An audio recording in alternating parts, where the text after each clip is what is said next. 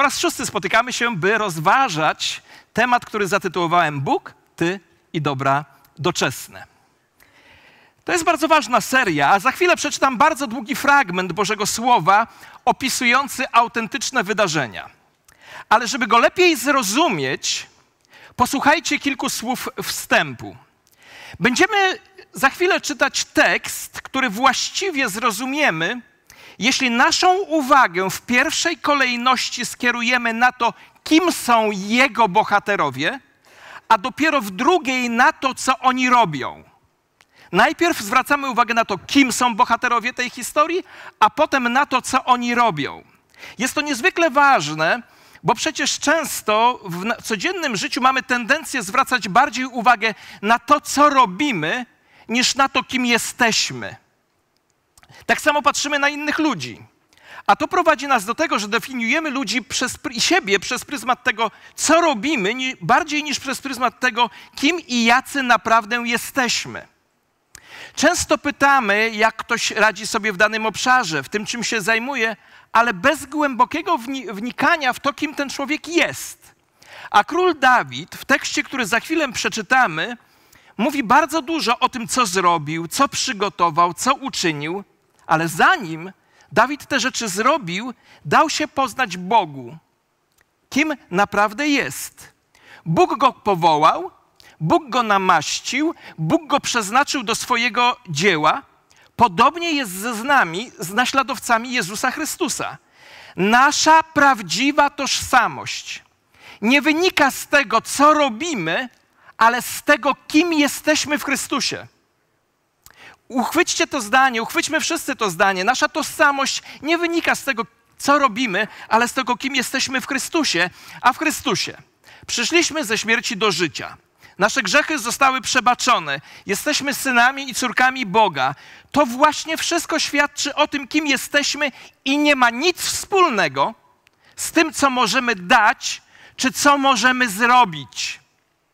To wszystko, kim jesteśmy, ma do czynienia z tym, co zrobił dla nas Pan Jezus, co nam Bóg dał w Jezusie Chrystusie. Przyjmijmy to. Nasz, to wszystko, kim jesteśmy, da, ma do czynienia z tym, co Bóg nam dał w Jezusie Chrystusie. Posłuchajmy jeszcze kilku stwierdzeń, które pomogą nam zrozumieć, kim jesteśmy. Jesteśmy kochani, jesteśmy usprawiedliwieni. Możemy stanąć przed Bogiem dzięki Bożej sprawiedliwości, sprawiedliwości Chrystusa. Zostaliśmy uświęceni przez Ducha Świętego. Nasze życie się zmienia, możemy wzrastać w Bożej łasce i pewnego dnia będziemy przeobleczeni Bożą chwałą. Jesteśmy dziećmi króla, umiłowanymi, ukochanymi, wybranymi. I mając to wszystko na uwadze, to kim jesteśmy, a dopiero potem co robimy, przeczytajmy pierwszą księgę kronik, 29 rozdział od pierwszego do 22 wiersza. Posłuchajcie. Potem król Dawid przemówił do całego zgromadzenia. Mój syn Salomon, jedyny, którego Bóg wybrał, jest jeszcze młody i niedoświadczony, a dzieło jest wielkie. Ten pałac bowiem nie jest dla człowieka, ale dla Pana Boga według wszystkich swoich sił przygotowałem na dom swojego Boga złoto na przedmioty złote, srebro na przedmioty srebrne, brąz na brązowe, żelazo na żelazne, drewno na drewniane, kamienie onyksowe i do osadzania, kamienie błyszczące i różnokolorowe, wszystkie, wszelkiego rodzaju drogie kamienie i marmur w obfitości. Ponadto z miłości do domu swego Boga Oddaję ze swojego skarbca na dom mego Boga złota i srebra, poza tym wszystkim, co już przygotowałem na święty dom. Mianowicie 3000 talentów złota, złota z ofiru, 7000 talentów najczystszego srebra na pokrycie ścian budynków, złoto na przedmioty złote, srebro na przedmioty srebrne i na wszelkie ręczne prace rzemieślników. A kto jeszcze chciałby dziś dobrowolnie złożyć ofiary Panu? Wtedy dobrowolne dary złożyli naczelnicy rodów, książęta pokoleń Izraela, tysięcznicy, setnicy oraz przełożeni nad robotami króla. I złożyli na służbę domu Bożego pięć tysięcy talentów złota, dziesięć tysięcy talentów srebra, derejków, dziesięć tysięcy talentów srebra, osiemnaście tysięcy talentów brązu oraz sto tysięcy talentów żelaza. Ci, którzy mieli drogie kamienie, oddali je do skarbca domu Pana na rękę Jechniela Gierszonity. I radował się lud z tego, że tak dobrowolnie złożono dary, gdyż sercem doskonałym chętnie ofiarowano Panu. Także i król Dawid wielce się radował. Dawid więc błogosławił Panu przed całym zgromadzeniem i powiedział: Błogosławiony jesteś, Panie Boże Izraela, naszego Ojca na wieki wieków. Twoja, Panie, jest wielkość, moc, chwała, zwycięstwo i majestat. Wszystko bowiem, co jest na tej ziemi i na niebie, jest Twoje. Do Ciebie należy królestwo, a Ty jako głowa jesteś wyniesiony ponad wszystko. I bogactwo, i sława pochodzą od Ciebie. I Ty panujesz nad wszystkim. W Twoich rękach jest moc i siła, i w Twojej ręce jest to, aby wywyższyć i umocnić wszystko. Teraz więc, Boże nasz, dziękujemy Ci i wychwalamy chwalebne imię Twoje. Lecz kim ja jestem? I czym jest mój lud, żebyśmy zdołali ofiarować dobrowolnie te rzeczy? Od Ciebie bowiem pochodzi wszystko i daliśmy Tobie to, co z Twojej ręki otrzymaliśmy. Jesteśmy bowiem pielgrzymami i przychodniami przed Tobą, tak jak wszyscy nasi ojcowie. Nasze dni na ziemi są jak cień i nie ma czego oczekiwać. O Panie Boże nasz, cały ten dostatek, który przygotowaliśmy dla Ciebie na budowę domu, dla Twojego świętego imienia, pochodzi z Twojej ręki i Twoje jest to wszystko. Wiem ja, mój Boże, że badasz serca i upodobałeś sobie prawość. Dlatego w prawości swego serca dobrowolnie złożyłem w ofierze to wszystko. Teraz z radością widzę, że również Twój lud, który znajduje się tutaj, dobrowolnie składa Ci ofiary. Panie Boże Abrahama, Izaaka, Izraela, naszych ojców, zachowaj na wieki te zamiary i myśli serca swojego ludu i skłoń jego serca ku sobie. Salomonowi, mojemu synowi, daję serce doskonałe, aby strzegł Twoich przykazań, świadectw i ustaw, aby wykonał to wszystko i aby zbudował dom, do którego poczyniłem przygotowania. Potem Dawid przemówił do całego zgromadzenia: Błogosławcie teraz Panu, waszemu Bogu. I całe zgromadzenie błogosławiło Panu, Bogu swoich ojców, pochylili się, oddali pokłon Panu i królowi. Następnie złożyli Panu ofiary. Nazajutrz złożyli, złożyli Panu całe palenia. Tysiąc wołów, tysiąc baranów, tysiąc jagniąt wraz z ofiarami z płynów i mnóstwo innych ofiar z całego Izraela. Jedli i pili przed Panem tego dnia z wielką radością. I po raz drugi ustanowili królem Salomona, syna Dawida, i namaszczali go dla Pana na władcę Asadoka na kapłana. Powiem wam, że trudno mi jest ten tekst czytać bez wzruszenia i bez emocji. Bo w tym tekście spotykamy radosnych dawców, dających z potrzeby serca, dających w całkowitej wolności. Nikt nie daje z powodu winy, nikt nie daje tutaj z przymusu i ze wstydem. Mamy tutaj ludzi, którzy prawdziwie chcą uczcić Boga i jest to dla nich radośnie, radością. Ci ludzie dawali otwarcie i dawali publicznie. Wiecie, normalnie w kościele raczej składamy ofiary skrycie, nie w sposób otwarty. A tam oni wszyscy wiedzieli, co każdy dał, co Dawid dał. Zobaczcie, było, czytałem całą listę. My często myślimy, że w kościele to wszystko powinno być w ukryciu, w cichości. I jeszcze powołujemy się na Jezusa, który mówił: Praktykujcie waszą wiarę nie w ten sposób, aby ludzie was widzieli, kiedy dajesz biednemu. Nie trąb wszystkim, że dajesz. To taka parafraza. Nie trąb, hej, podpatrzcie, jaki jestem hojny.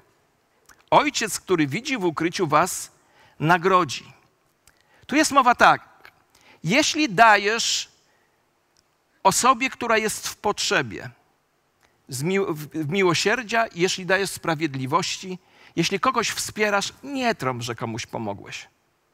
To będzie krępujące i dla niego, a tobie chwały nie przysporzy. I gdy mamy niewłaściwe zrozumienie tych słów, to nigdy nikomu nie chcemy mówić o naszych finansach, jak, jak dajemy i czy dajemy.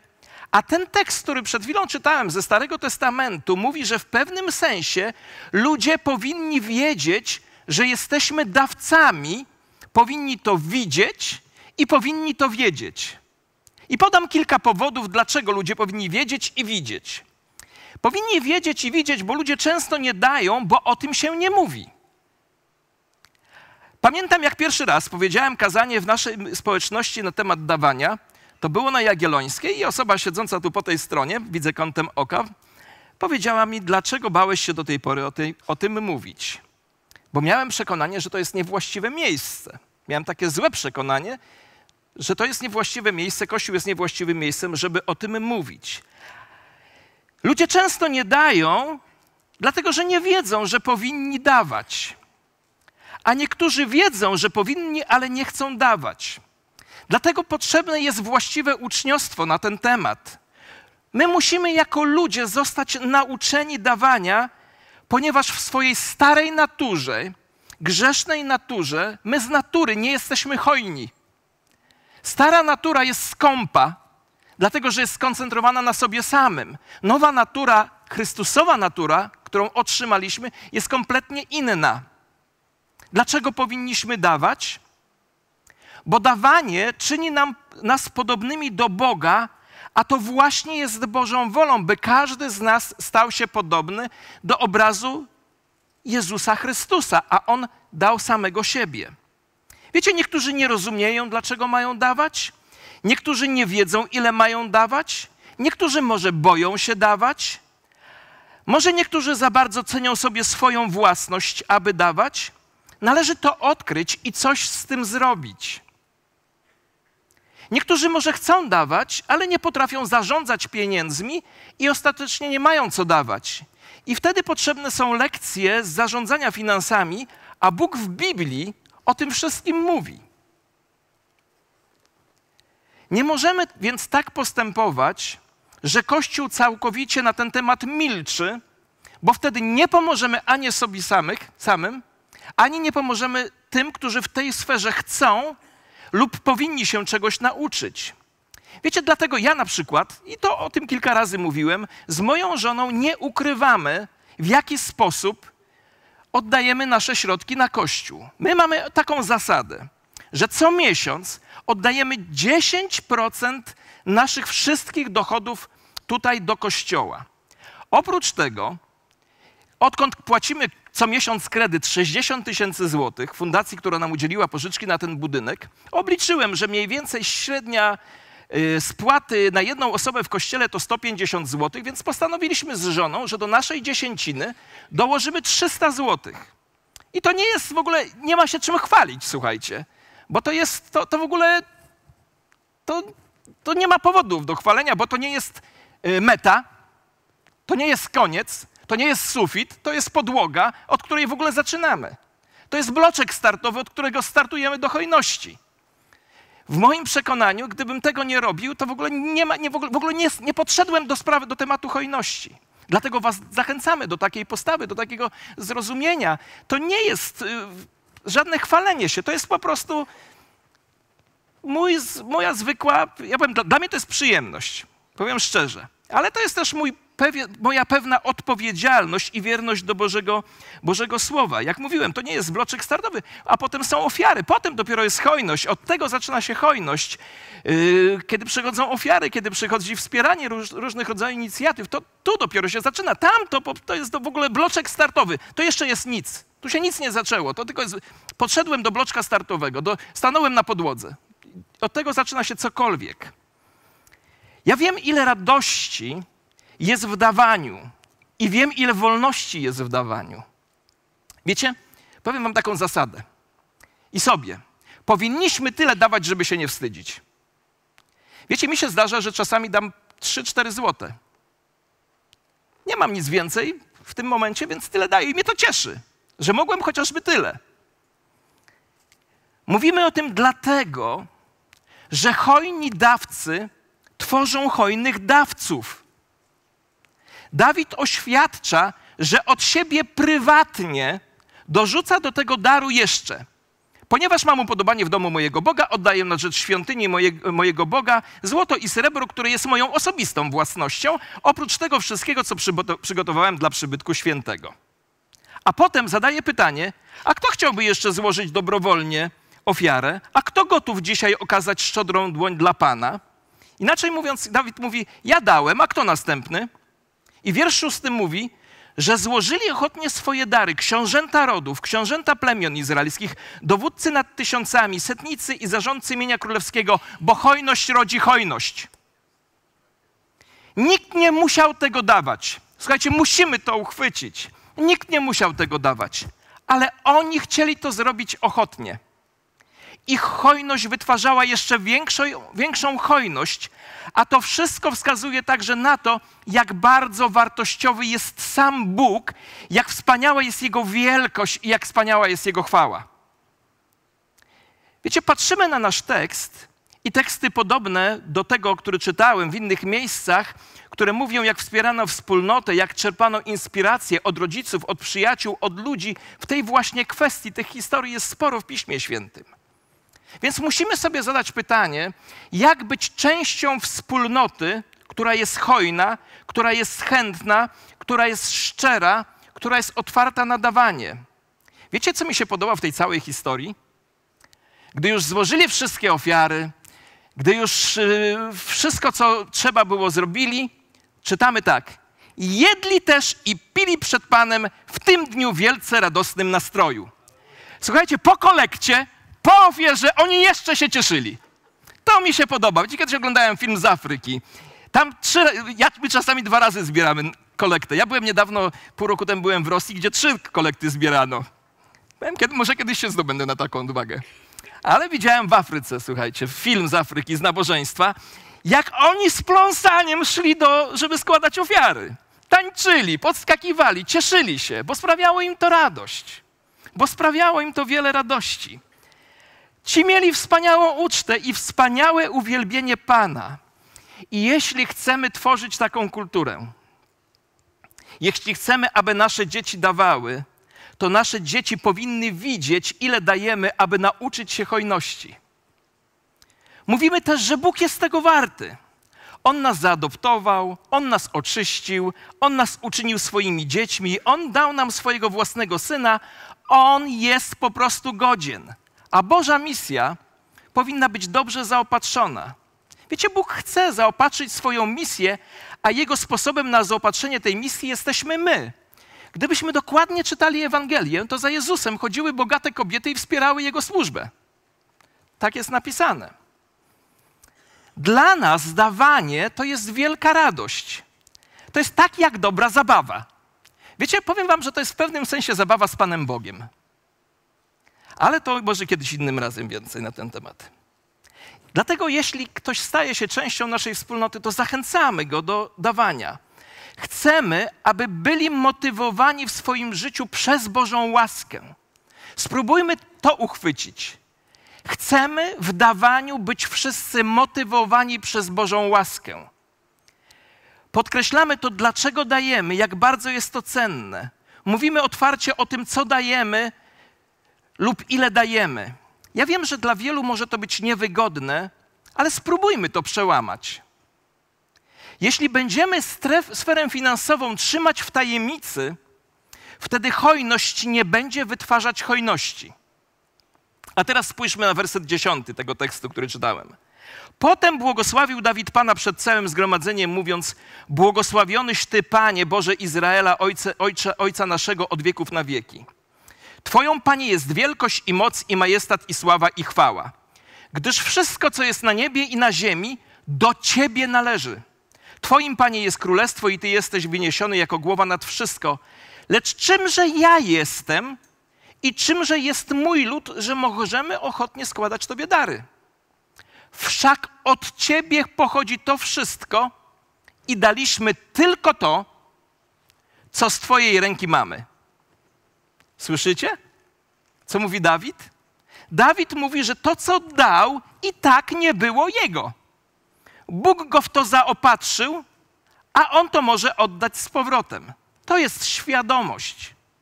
My myślimy, że wszystko jest nasze, ale Dawid temu zaprzecza i mówi, że wszystko jest Twoje, Panie. On dziękuje, że może dać coś, co do niego nie należy. To tak jak żartobliwie, byłem kiedyś na jednym nabożeństwie i kiedyś to u nas to powiedziałem, prowadzący kaznodzieja, prowadzący przed kolektą, yy, miał słowo przed kolektą, powiedział tak, a teraz włóż rękę do, do, do kieszeni swojego sąsiada, wyjmij portfel i daj za, tyle, ile chciałeś zawsze dać. My otrzymujemy wszystko od Boga. To, to, co jest w naszych portfelach, w naszych domach, nasze domy, wszystko, co mamy, to jest Jego, nie nasze. Dawid dziękuje, że może dać coś, co do niego nie należy. On czuje się zaszczycony, że może dać to, co wcześniej otrzymał. Słuchajcie, dawanie nie ze swojego naprawdę nie jest takie trudne. I jeszcze raz, Dawid zadaje pytanie: czymże ja jestem i czymże jest mój lud, że możemy ochotnie składać Tobie dary? On cieszy się z, z przywileju, że może składać dary, że ma taką możliwość, cieszy się z tego. Mówi: Dzięki Ci Boże. Boże, nie mogę w to uwierzyć, że ja będąc nikim mogę Ci coś dać. Ty stworzyłeś wszystko, do Ciebie wszystko należy. To tak jakbyśmy, to taka postawa, jakbyśmy bardziej chcieli dawać, jakbyśmy chcieli słuchać więcej kazań o dawaniu, bo dawanie sprawia ogromną radość. Dawid pamięta, że niedawno był młodym pasterzem, a teraz może Bogu dawać takie dary. To jest niesamowite. Wiem też, Boże mój, że Ty badasz serce i masz upodobanie w prawości. To też szczerym sercem złożyłem w darze to wszystko. Teraz zaś widzę, że Twój lud, który się tutaj znajduje, z radością i ochotnie składa Tobie dary. Panie Boże Ojców naszych, Abrahama, Izaaka, Izraela, zachowaj to po wszystkie czasy jako wyraz myśli i uczyć ludu Twego i umocnij serce ich w przywiązaniu do Ciebie. A synowi mojemu Salomonowi daj serce niezłomne do przestrzegania Twoich przykazań, Twoich rad i Twoich ustaw, do wykonywania wszystkiego, co niezbędne, aby zbudował dom, dla którego ja to przygotowałem. Wiecie, Dawid pokazuje, gdzie jest jego serce. Tam, gdzie jest Twój skarb, tam jest i Twoje serce. To, jak dajemy, także pokazuje, gdzie jest nasze serce, do kogo nasze serce należy. Czy radujemy się podczas dawania, tak jak miało to miejsce w tej historii? Bo to wszystko wskazuje na stan naszego serca. Tam nikt nie musiał tego dawać. To nie było wymagane. Ale Bóg powiedział: Pozwolę zbudować mi miejsce, abym mógł się tam z wami spotykać. A oni na to, wow, Boże, naprawdę? Chcesz, pozwolisz nam na to? I słuchajcie, jeśli Izraelici mieli takie podejście, to ileż bardziej my powinniśmy być wdzięczni i być ofiarni, bo my otrzymaliśmy o wiele więcej niż Izrael. My otrzymaliśmy Syna Bożego, zostaliśmy zaadoptowani do Bożej rodziny. O ileż bardziej powinniśmy by, być wdzięczni, wylewni, mając Bożą łaskę w obfitości. Spójrzmy, co mamy w Chrystusie i odpowiedzmy hojnością. I chciałbym, żebyśmy teraz kilka rzeczy naprawdę mocno dobrze zrozumieli. Nie chodzi o to, żeby się wywyższać i budować swoją sam, samosprawiedliwość, ale chodzi o to, że kiedy dawanie jest jawne, hojność wytwarza hojność, czyjaś hojność inspiruje innych do hojności. Wiecie, kiedyś, to jest moje marzenie, żeby doświadczyć tego w, w, w kościele. To, co teraz przeczytam. Kiedy budowano świątynię, ludzie zaczęli tyle dawać, że trzeba było ich poprosić, aby przestali dawać. Marzy mi się takie, takie nabożeństwo kiedyś, że przyjdę i mówię, słuchajcie, wystarczy, już nie składajcie, no naprawdę, już mamy potąd. Tam tak było. Tam do, oni doszli do takiego miejsca, że musieli powiedzieć, słuchajcie, nie, no już wystarczy. Już mamy dosyć. Przestańcie, mamy więcej niż potrzeba. Liderzy, przywódcy, całe zgromadzenie, wszyscy w tym uczestniczyli. Hojność zmienia kulturę. Hojność zmienia sposób życia i hojność zmienia funkcjonowanie. Spójrzmy jeszcze raz na ten tekst i chciejmy zauważyć kilka słów, które podkreślają ten sposób dawania. Według wszystkich moich możliwości przygotowałem. Zobaczcie, pierwsza rzecz. Nie będziemy dawać, jeśli nie będziemy chcieli. Musimy chcieć, by móc dawać. Więc pierwsza rzecz to jest chęć, to jest pragnienie. Postawmy się w miejscu, gdzie będziemy chcieli. I dlatego Dawid mówi: Ponadto z miłości do domu swego Boga oddaję ze, swoje, ze swojego skarbca na dom mego Boga złota i srebra, poza tym wszystkim, co już przygotowałem na święty dom. Pierwsza rzecz to jest chęć, a druga, którą wyczytujemy w tym tekście, to osobiste poświęcenie. Kto jeszcze, pyta Dawid, chciałby dziś dobrowolnie złożyć Panu ofiary? To jest osobiste poświęcenie. Pierwsza więc rzecz to jest chęć, to jest pragnienie wynikające z tego, że wiem, kim On jest i kim ja jestem w Nim. Druga rzecz to osobiste poświęcenie. Ofiara, która nas nie kosztuje nic, to nie jest ofiara. To nawet nie, nie w definicji ofiara musi coś kosztować. I po trzecie, radość. I radował się lud z tego, że tak dobrowolnie zło, złożono dary, gdyż sercem doskonałym chętnie ofiarowano Panu. Wiecie, rozumiejąc, kim jest Bóg, rozumiejąc, kim oni są, mieli chęć, poświęcili się i przyszła radość. I radowali się. Trzy rzeczy, które muszą być w naszym życiu. A są one wynikiem zrozumienia tego, kim jest Bóg i kim jesteśmy w Nim. To jest chęć, to jest poświęcenie i radość. Odpowiedzią na Boże błogosławieństwo była wielka radość. I powiem Wam, chciałbym na to wszystko powiedzieć Amen. I powiedzieć, zróbmy tak samo. Ale w życiu mamy wielu przeciwników. I nie chodzi tylko o ludzi, ale o okoliczności, które nie chcą, abyśmy dawali w ten sposób. I posłuchajcie tego uważnie. Jeśli nie będziemy szczerymi, wesołymi dawcami, to będziemy dawcami z poczucia winy, a Bóg tego nie chce. Słyszycie? Czyli będziemy dawać, ale nie będziemy z tym czuli się dobrze, bo nie damy ochotnie. Wiecie, czytamy taki tekst jak ten i czujemy się nieswojo, czujemy się źle, bo nie mamy takiej postawy. Ale my nie możemy dawać z pozycji poczucia winy, bo dawanie ma nam przynosić satysfakcję i radość. A nasz niepokój i nasze poczucie winy wynika z tego, że nie rozumiemy Ewangelii, nie rozumiemy tego, co Bóg dla nas zrobił. Pamiętaj, my nie musimy dawać, ale rozumiejąc, kim jest nasz dawca i to, kim my jesteśmy w nim, powinniśmy chcieć dawać. Nie chodzi o to, że jak nie dajemy, to poczujemy się winni, ale chodzi o postawę wdzięczności i radości. Co może nam w tym pomóc? Chociażby list do Rzymian, 8 rozdział, pierwszy wiersz. Nie ma już potępienia dla tych, którzy są w Chrystusie. Jeśli należymy do Jezusa, nie musimy czuć się winni i chodzić w potępieniu. Należy cały czas odpoczywać w Bożej łasce, nie dawać po to, żeby się lepiej poczuć, bo to jest związane z poczuciem winy. Chrystus dał swoje życie za nas, nic nie dorówna Jego ofierze, więc możemy sobie odpuścić takie motywacje.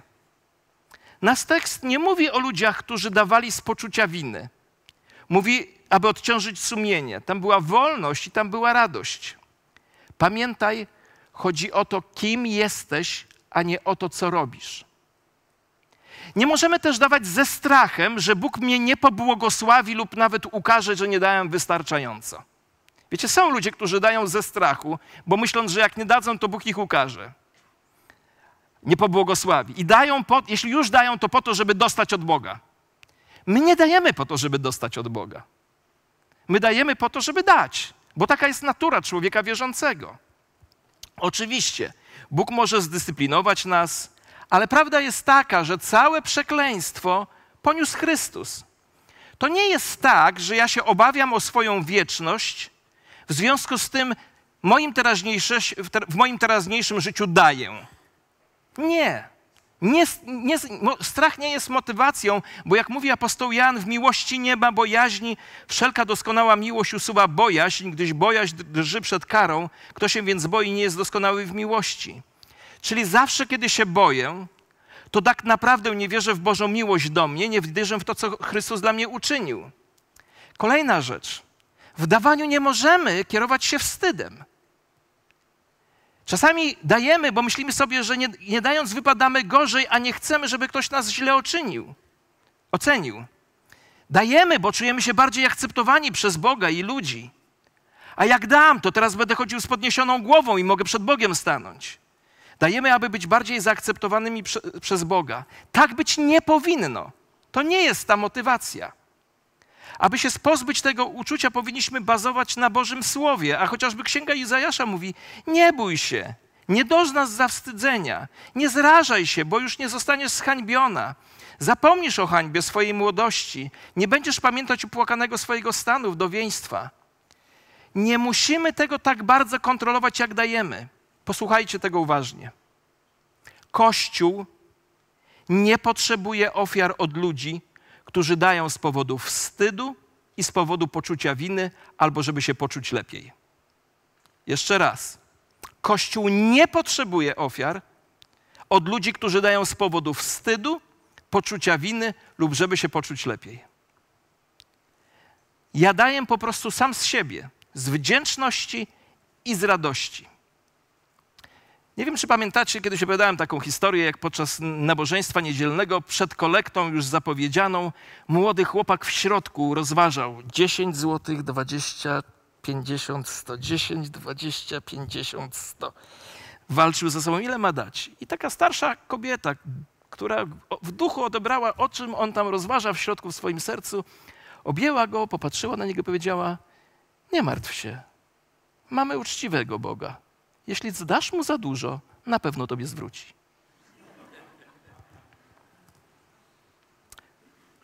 Podsumowanie.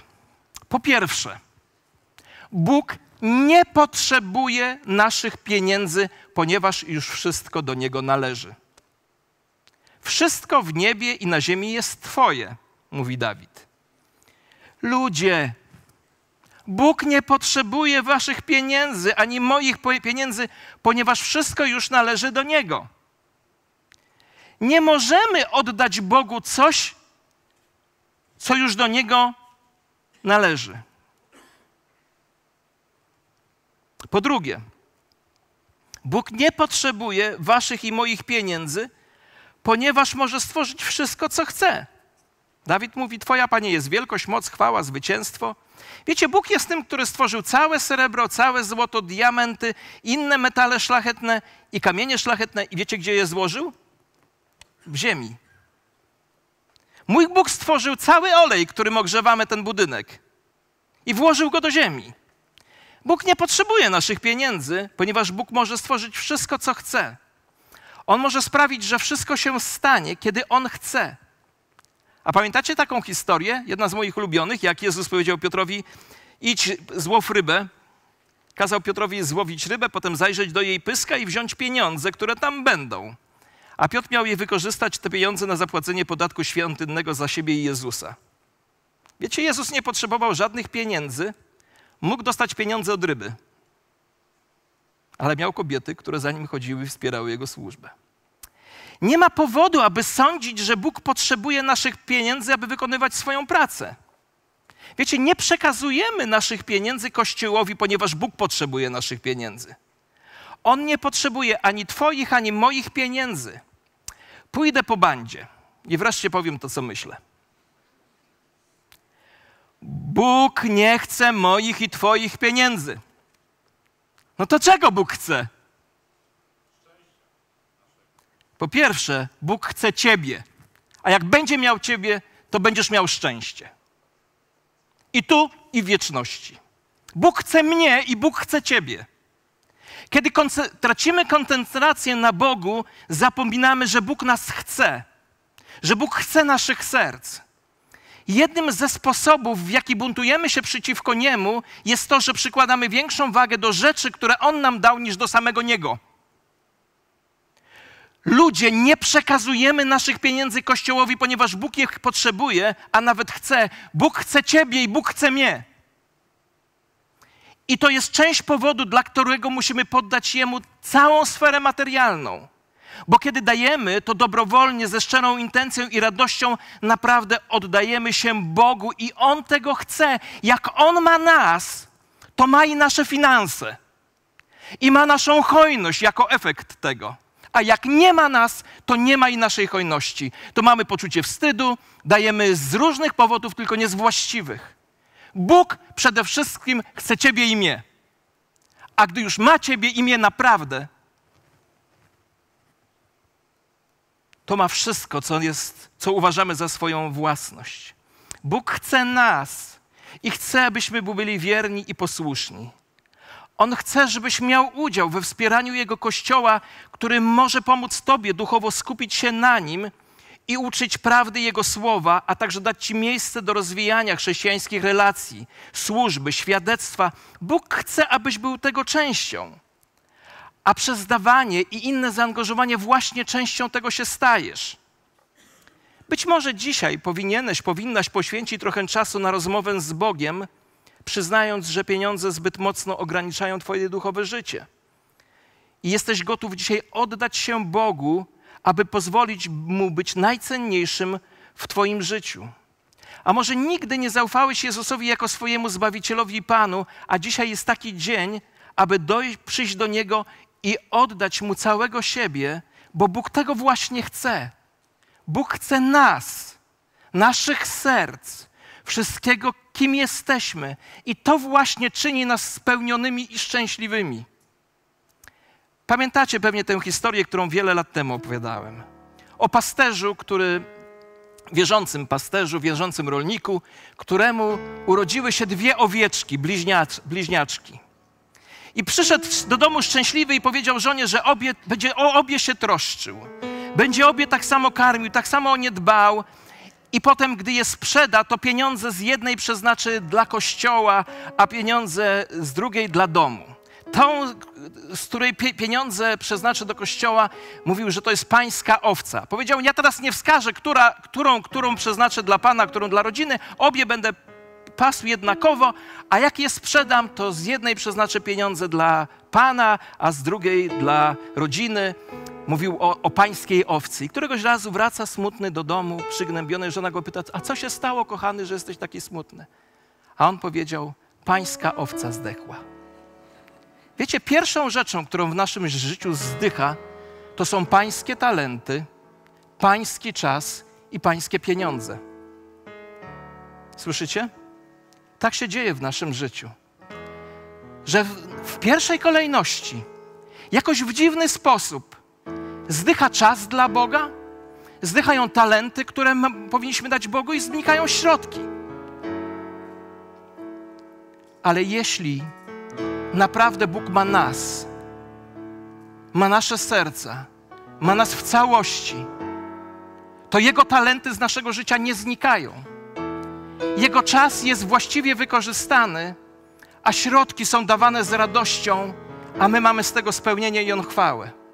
I o tym jest ta historia. O ludziach, którzy zrozumieli, kim Bóg jest, kim oni są dla, w Nim i poczuli się wielce uprzywilejowani, że tutaj na tej ziemi, oddając Mu swoje życie, mogą zrobić coś, co przyniesie Mu chwałę. I wiecie, co jest ciekawego w tej historii? Dla mnie to, co poruszę, ja nie, nie potrafię tej historii czytać bez wzruszenia. To, co mnie porusza w tej historii, to to, że oni zbudowali coś nie dla siebie, coś, z czego nawet wielu z nich nie korzystało. A wiecie, kto skorzystał? Następne pokolenie. I w Biblii czytam wiele historii ludzi, którzy inwestowali, rozumiejąc, kim jest Bóg, kim oni są w nim, inwestowali środki po to, żeby następne pokolenie, co następne pokolenie, mogło włożyć swoje stopy w morze, które się rozstąpiło.